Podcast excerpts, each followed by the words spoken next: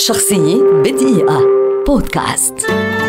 سعيد عقل شاعر لبناني كبير ولد في قضاء زحلي عام 1912 ويعد من أبرز الشعراء اللبنانيين المعاصرين كما عمل في التعليم والصحافة وترك اثرا كبيرا فيهما.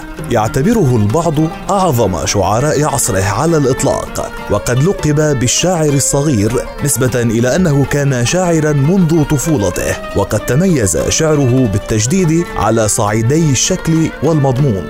صمم سعيد عقل أبجدية جديدة قائمة بذاتها لما أسماه اللغة اللبنانية مستخدما الأبجدية اللاتينية بالإضافة إلى بضعة أحرف مصممة حديثا وبعض الأحرف اللاتينية المعلمة لتتناسب مع علم الأصوات اللبناني داعيا للتخلي عن اللغة العربية الفصحى واعتماد اللهجة العامية كلغة لبنانية. وكانت أبجديته هذه مؤلفة من من 36 حرفا.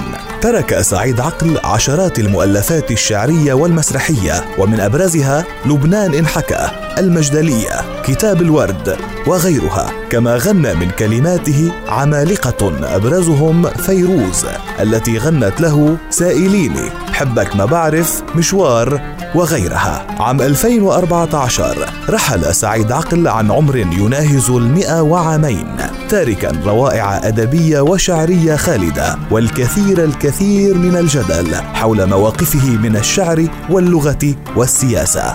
شخصية بدقيقة. بودكاست.